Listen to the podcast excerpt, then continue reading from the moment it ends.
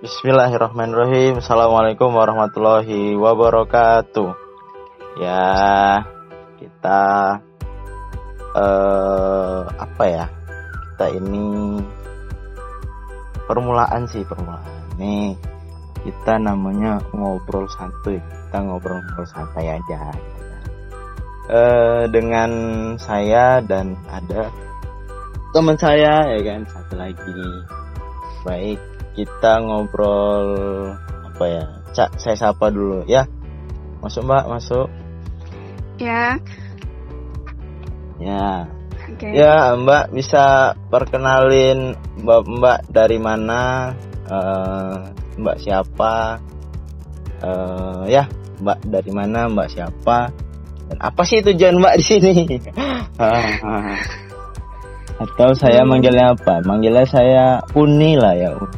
Sesuai apa kita ya kan sesuai pamflet kita apa namanya poster kita ya kan Boleh dipanggil Ah. Uni aja.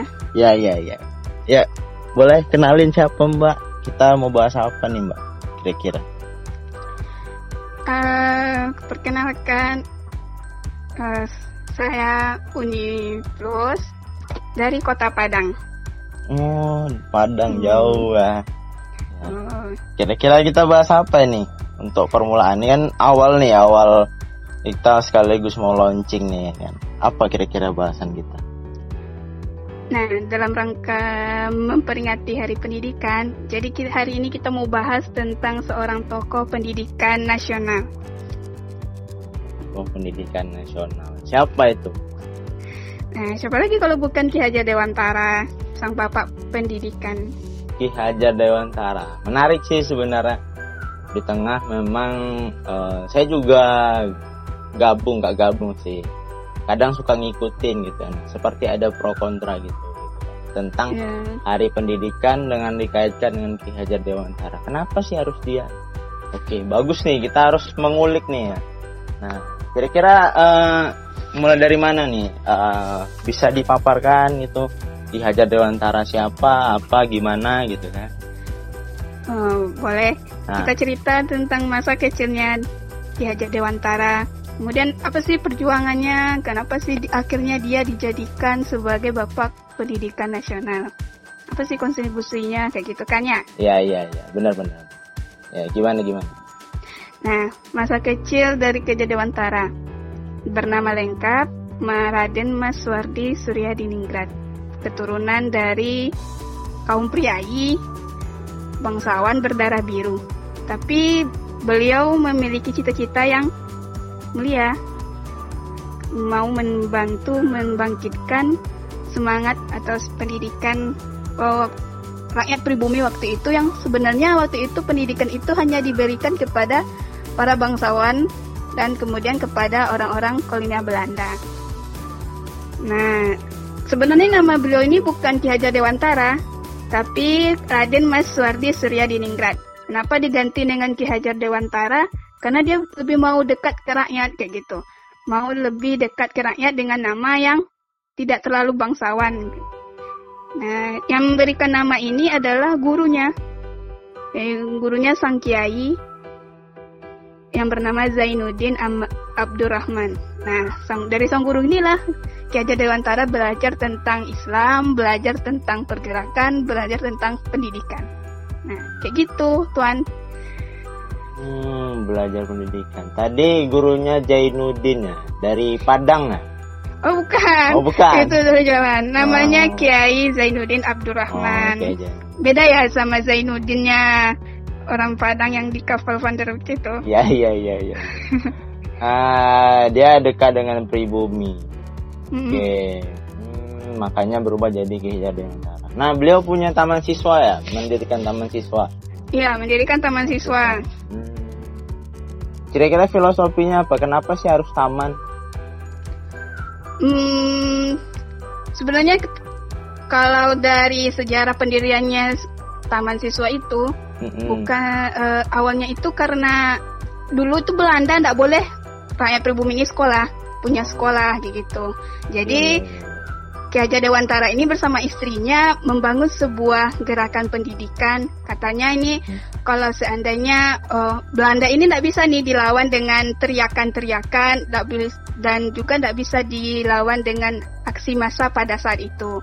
Maka yeah. yang yang harus bisa dilakukan itu yang menyadarkan rakyatnya bahwa salah satu upaya untuk memerdekakan negara itu adalah dengan sistem pendidikan.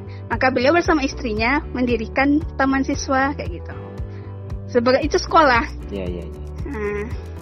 Ya, Karena karena memang pada saat itu uh, Belanda tidak mengizinkan kita untuk pintar lah ya atau mengenyam pendidikan. Hmm, karena Belanda sadar kalau seandainya rakyat Indonesia ini pintar bisa baca tulis, ya mereka akan mulai sadar pentingnya kemerdekaan kayak gitu. Iya iya pak. Memang jahat kali Belanda. Nah, jahat lagi kan, banyak kali kan. iya iya iya iya. Uh, dia bersama istrinya. Kira-kira tahun berapa dia mendirikan? Tahu nggak? Oh, taman siswa. Mm -mm.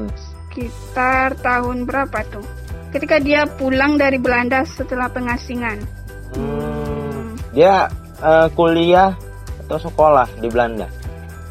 dia diasingkan. Oh, diasingkan. Nah, jadi diasingkan sebagai hukuman oleh orang-orang eh kan jadi kemarin itu Ki Hajar Dewantara itu awalnya sekolah di Stovia, sekolah yang oh, khusus iya, iya, iya, yang militer itu. itu. Nah, jadi karena beliau sakit, dan jadi berhentilah tuh jadi di sekolah di Stovia kan. Iya, nah, iya. masuklah ia ke, ke gerakan jurnalistik. Nah di jurnalistik itu dia bikin tulisan-tulisan yang mengecam mengkritik Belanda. Jadinya Belanda tidak suka, di, diasingkanlah dia ke Belanda kayak gitu. Diasingkan ke Belanda selama berapa lama itu? Hmm, sekitar nggak tahu juga sih tepatnya. Lumayan lama, sekitar sampai 10 tahun lah. Tapi di Belanda itu dia mendiri apa? Uh, meminta kepada Belanda untuk uh, melihat-lihat sistem pendidikan Belanda seperti apa. Kemudian istrinya kan ikut tuh sama beliau. Iya, iya, iya. Nah, istrinya juga karena baru nikah ikut sama beliau diasingkan. Nah, istrinya juga sama-sama punya visi, visi, visi misi pendidikan. Jadi istrinya itu ngajar di TK Belanda. Nah, sistem pendidikan di Belanda itulah yang diadopsi oleh Ki Hajar Dewantara, kemudian disesuaikan dengan uh, ciri khas Indonesia kayak gitu. Kalau bahasa di organisasi studi banding lah ya Ya, studi banding, Jadi, tapi dihukum dalam rangka dihukum. Ya, uh, kalau DPR gitu juga ada sebenarnya. Dia di, dia kalau misalnya korupsi di penjara, dia itu sedang studi banding tuh dengan nah, para mafia-mafia yang lain gitu. Ditanya, kok kasih apa katanya? Gitu dia studi banding juga tuh kalau DPR masuk penjara. Kira-kira ah. gitulah. Oke, okay. uh, sama siswa. Berarti uh, memang keinginan beliau terkait pendidikan ini luar biasa lah. Hmm. Makanya beliau dinobatkan sebagai uh, bapak, bapak pendidikan. Kira-kira selain beliau uh, atau sebelum-sebelum beliau ada nggak gitu yang memang sudah fokus ke pendidikan, cuma memang oh. tidak terup gitu kan? Atau gimana? Ada ada. Ada. Uh-huh. Ada. Sebenarnya kan sebenarnya yang dulu menggerakkan pendidikan itu RA Kartini. Nah, itu kan pendahulunya pendahulunya Ki Hajar Dewantara. Uh-huh. Tapi RA Kartini ini lebih fokus ke gerakan pendidikan perempuan. Uh-huh. Nah, kayak gitu. Jadi Ki Hajar Dewantara ini maunya uh, kalau menurut saya Ki Hajar Dewantara itu dia itu enggak uh, suka golongan-golongan. Jadi dia mau tuh sama rata sama rasa. Sama rata sama rasa. Karena dia tuh kan jadi kalau yang Kartini fokus ke perempuan, yeah. nah Ki Hajar Utara ini fokusnya ke semua, ke kalangan, semua kalangan, kalangan, kalangan baik iya, iya. bangsawan yeah. Maupun, tanpa gender juga. Maupun priai. Ah. Nggak, maupun kelas bawah lah gitu kan. Iya, kelas bangsawan nama priai sama sebenarnya. Oh iya, itu sama ya. oh iya, sama ya. Hmm, iya ya pendidikan apalagi. Kira-kira uh, terkait pendidikan oke okay lah beliau sudah studi banding gitu kan kira-kira hasilnya itu memuaskan nggak dengan apa yang ada di Indonesia setelah beliau terapkan? Apalagi beliau mendirikan taman siswa gitu ya. Hmm, sebenarnya uh, kalau menurut saya ya dari uh, apa yang dicetuskan oleh Ki Hajar Dewantara kemudian apa yang dilakukan Ki Hajar Dewantara cocok dengan keadaan Indonesia karena itu disesuaikan sistemnya. Dan namun sepertinya yang sekarang ini banyak pendidikan kita itu tidak mencontoh sistem atau konsep yang telah diletakkan pondasinya oleh Ki Hajar Dewantara. Hmm, itu gimana itu kira-kira? Coba bisa nggak paparkan sedikit gitu atau gambarin lah biar netizen hmm. tuh paham. Oke, okay, sistem pendidikannya ya. Mm-mm. Nah, kalau di kalau uh, kalau di luar itu mereka sistem pendidikannya itu sistem pendidikan uh, bebas. Bebas kan kita lihat tuh bebas. Nah, itu kan tidak cocok dengan Indonesia. Maka beliau terapkan sebuah sistem pendidikan yang bebas tapi bertanggung jawab.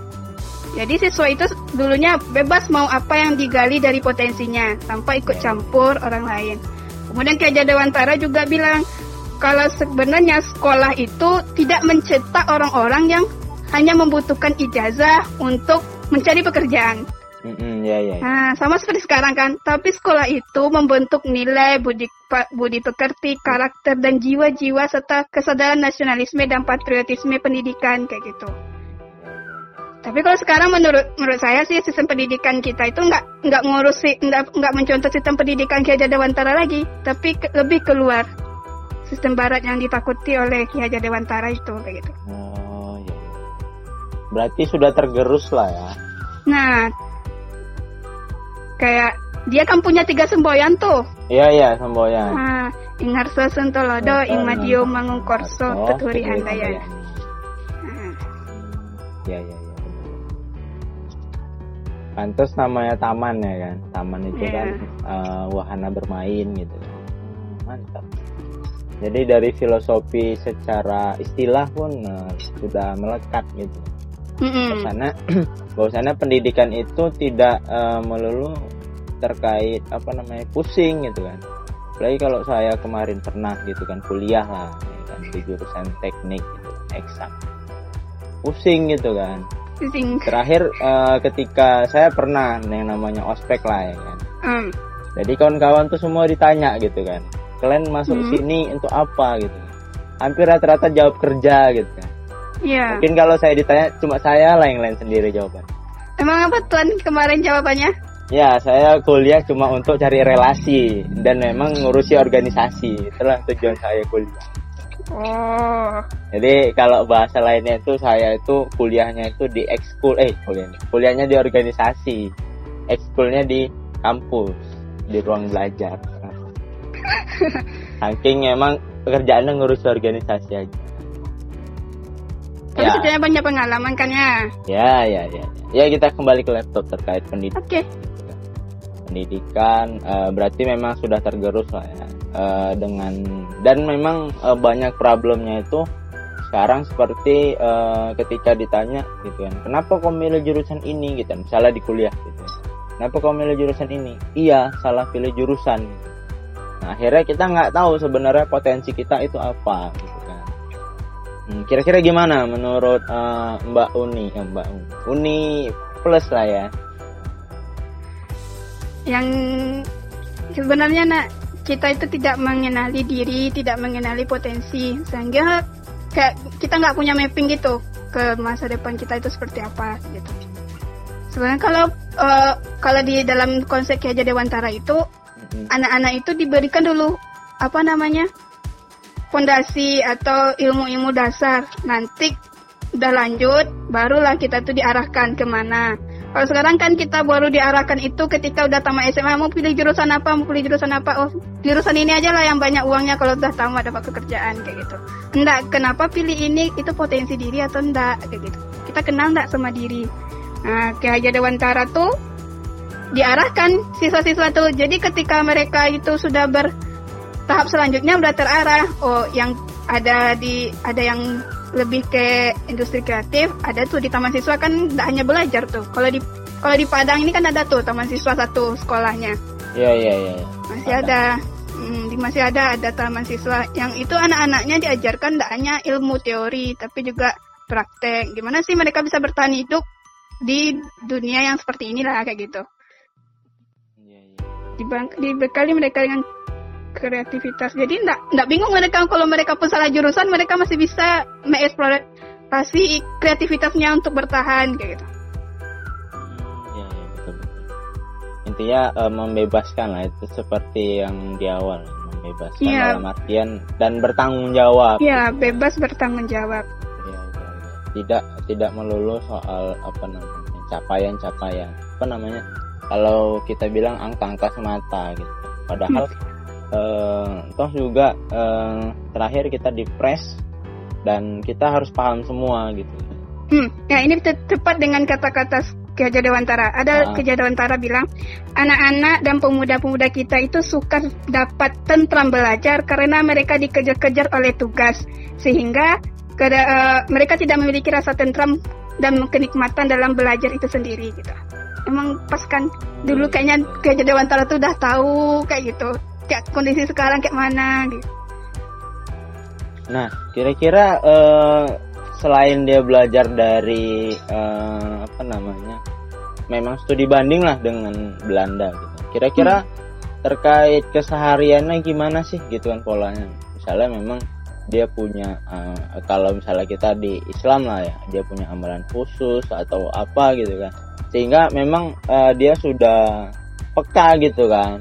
Eh, peka untuk masa depan atau kita bilang bisa visioner lah gitu kan kira-kira ada nggak gitu kan diulik Hmm, ada. ada Beliau itu lebih ke kan beliau dididik oleh gurunya. guru eh, Zainuddin gitu kan. Iya, nah, iya. beliau tuh eh, terinspirasi juga dari ajaran agama Islam yang katanya dari hadis tuntutlah ilmu walaupun ke negeri Cina kayak gitu. walaupun doif ya doif apa palsu Apa?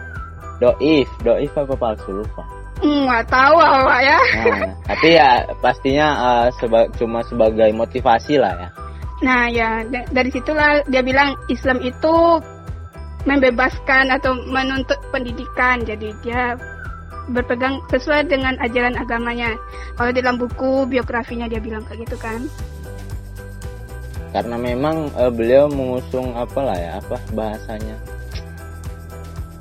eh egaliter atau apa dia sama semua kalangan gitu kan Equality Ah, iya. kalau kata kaum-kaum feminis gitu kan.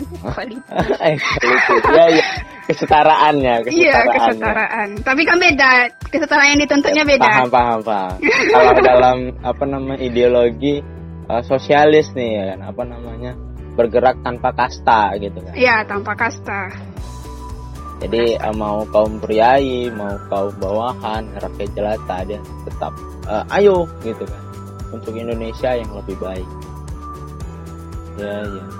Hmm, eh, kira-kira ada lagi nggak gitu kan? Yang atau ada nggak yang spesial dari Ki Hajar Dewantara yang kan sudah mengulik nih? Hmm. Eh, kenapa sih harus Ki Hajar Dewantara nih yang diulik pertama gitu kan? Ada nggak spesialnya selain eh, karena memang mau dekat hari pendidikan. Karena mungkin Hmm. ngefans atau apa gitu kan. Saya memang suka gitu misalnya. Karena dia bilang pendidikan saya juga bilang pendidikan misal. Enggak sih, karena menurut saya itu Hajar Dewantara itu hanya dikupas sedikit saja tentang kehidupannya. Sedikit ya, kita cuman belajar di sejarah itu tentang dia buat pendidikan, semboyannya tiga, mendirikan taman siswa dengan indeks eh, dia juga mendirikan gerakan politik. Dah itu aja, kayak gitu aja. Jadi enggak ada kita kenapa sih konsep pendidikannya itu yang diterapkan. Nggak, ada, maksudnya tuh jarang orang membahas mengulik Ki Hajar Dewantara ini lebih dalam. Padahal itu kan beliau juga memiliki kontribusi andil yang besar kan untuk negara gitu. Kalau nggak ada pendidikan, Indonesia juga tidak akan merdeka mungkin kayak gitu. oh iya iya Ya soalnya kan kalau saya perhatikan banyak membahas ger- eh, tokoh-tokoh gerakan, gerakan politik gitu, -gitu ya. Nggak iya ada iya kan? iya paham, paham. Gitu. karena saya juga pernah nggak nggak baca sih cuma nonton lah nonton ininya apa namanya filmnya Pram ya kan Pramudian Ah. gitu terkait apa namanya bumi manusia gitu Oh bumi manusia. jadi Mingke itu betul-betul menolak gitu kan menolak uh, Belanda apa namanya dia mau kesetaraan itu gitu kan karena memang Belanda itu uh, dia hanya apa namanya hmm, mengenal yang namanya kaum atasan gitu kan kaum priai kaum bangsawan gitu sedangkan kelas-kelas bawah ya disuruh jadi budak gitu Hmm. itulah dia melawan tirani itu gitu ya. semua orang harus berhak eh, mengenyam pendidikan gitu ya. semua orang berhak untuk memperoleh haknya gitu kan apalagi ini Indonesia ya apa memang lah memang pola-pola Belanda begitulah ya kan Iya emang kalau pola Belanda itu kalau tidak diasingkan mereka dibuang kayak gitu kan. dan Terus nah, kalau pada rakyatnya jangan kasih mereka itu sedikit pun sadar akan pentingnya membaca tulis. Baca tulis saja mereka udah bisa.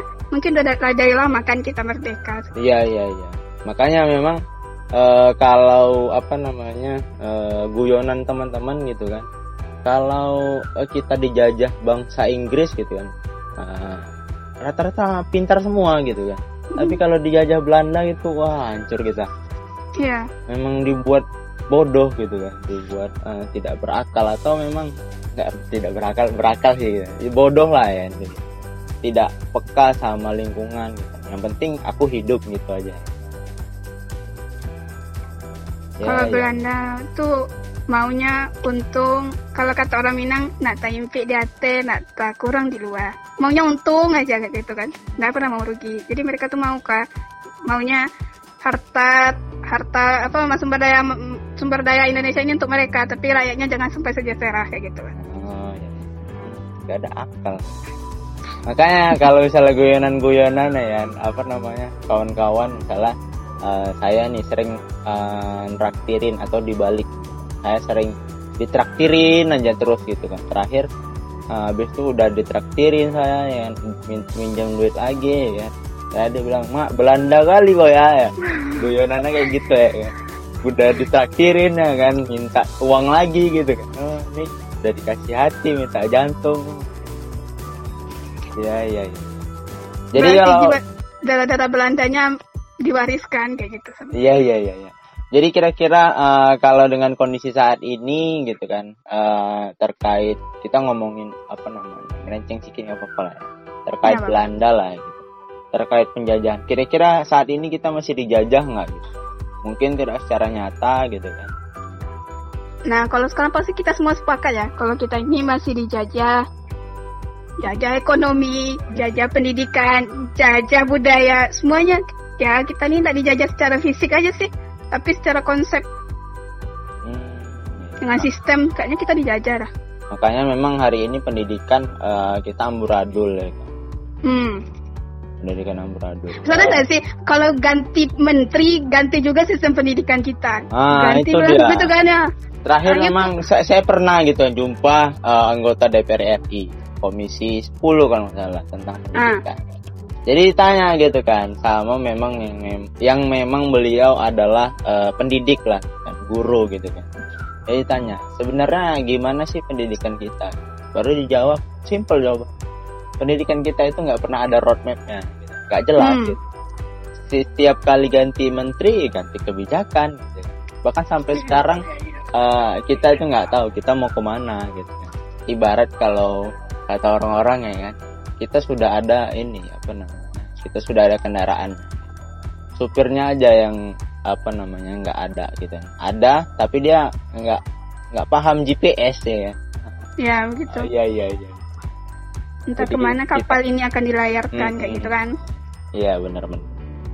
Ya ya ya. Jadi makanya memang hari ini eh, banyak tenaga nggak tenaga sih apa namanya eh, lulusan lah kita bilang lulusan perguruan tinggi itu tidak terserap dengan baik gitu kan. Selain memang eh, lapangan pekerjaan eh, minim gitu kan yang disediakan mungkin pemerintah gitu. Nggak sebanding gitu kan yang disediakan pemerintah dengan eh, apa namanya lulusan yang ada di perguruan tinggi. Nah, sedangkan kalau kalau saya ya, kalau saya dari dulu bermindset gimana sebenarnya S1 ya, sarjana seterata satu gitu ya, atau sarjana gitu kan. Seharusnya dia bukan berpikir lagi bagaimana eh, cari pekerjaan, bagaimana dia coba bisa eh, membuat lapangan pekerjaan. Saya dulu berpikirnya seperti itu. Walaupun hari ini ya tidak memungkiri gitu kan bahwasanya setelah mungkin dia seterata satu misalnya daftar PNS atau ikut BUMN atau apa gitu kan memang mengabdi sama negara ya tetap dia jadi pekerja gitu kan gak menyediakan Iya, lapangan pekerjaan Hmm. ya saya dulu konsepnya begitu nah makanya eh, mungkin itulah ya pendidikan hari ini ya Oke. makanya eh, Ki Hajar Dewantara nih luar biasa nih. Hmm, kalau diulik ya, pantaslah dia jadi bapak pendidikan Iya. Oh ya, satu lagi. Yeah, Kalau yeah. kita kan kenal dengan gerilya senjata dengan ujung tombak gitu kan. Yeah, yeah, yeah. Dewantara juga lakukan gerilya pendidikan. Hmm. Gerilya pendidikan karena dulu Belanda tuh nggak nggak boleh kan kita itu berpendidikan. Nah, benar, jadi benar, benar. Nah jadi hmm, siapa guru yang tertangkap hari itu misalnya mati di, atau dihukum hari itu dibuang atau diapakan ada yang sampai dibunuh maka apa ya banyak uh, harus ada guru yang men, apa ya gantikan estafetnya gitu. Jadi misalnya nih anak hmm. saya lagi ngajar, kemudian yeah, datang yeah. Belanda, Belanda hukum saya, saya dibunuh, kemudian uh, nanti akan datang lagi guru yang di hari itu juga di waktu itu juga guru yang kami gantikan seperti itu. Gerilya pendidikan. Itu dari Belanda apa dari Hajar Dewantara? Hajar Dewantara. Hmm. Jadi kan karena kita tuh tidak boleh sekolah, jadi hmm. taman siswa udah didirikan. Kemudian taman yeah. siswa didirikan harus di bubarkan dibikinlah aturan yang yang melarang. Kalau taman siswanya tidak boleh sama lah kayak sekarang ada aturan yang melarang ormas itu tidak ada lagi gitu. Oh iya iya. Nah, kayak gitu. Jadi uh, Ki Hajar Dewantara mengasih siasat gitu. Tetap harus ada belajar. Jadi kayak stafet itu. Di mana pun kalau dia mau mengajar ketemu orang ngajar. Ketemu orang ngajar ketemu orang ngajar gitu. Kalau ada Belanda uh, bubar dulu itu perkumpulan itu. Datang kalau tidak ada lagi Belanda bikin lagi uh, sekolah-sekolah kayak apa ya teras-teras sekolah gitu. Nggak harus di sekolah di satu gedung kayak gitu. Di mana pun belajar gitu. lah ya. Ya kayak gitu. Pantas pantas uh, apa namanya uh, sebuah quote-nya itu uh, apa namanya setiap orang adalah guru dan setiap tempat adalah sekolah. Ah benar itu. Itu kenapa itu? Karena peristiwa itulah Iya iya iya ya, betul betul betul. betul. Hmm. Setiap setiap orang adalah setiap tempat adalah sekolah dan setiap orang adalah guru. Iya. Mantap mantap. Ya ya kita sudah di penghujung nih ya luar biasa uh, kita bikin ini sudah cukup lama. Kira-kira uh, di sesi akhir nih uh, ada nggak lagi hal yang menarik di dari Ki Hajar Dewantara sambil uh, memang uh, beliau fokus dengan pendidikan dan saya juga pengen tahu nih uh, beliau kan tuh baru nikah tuh kan?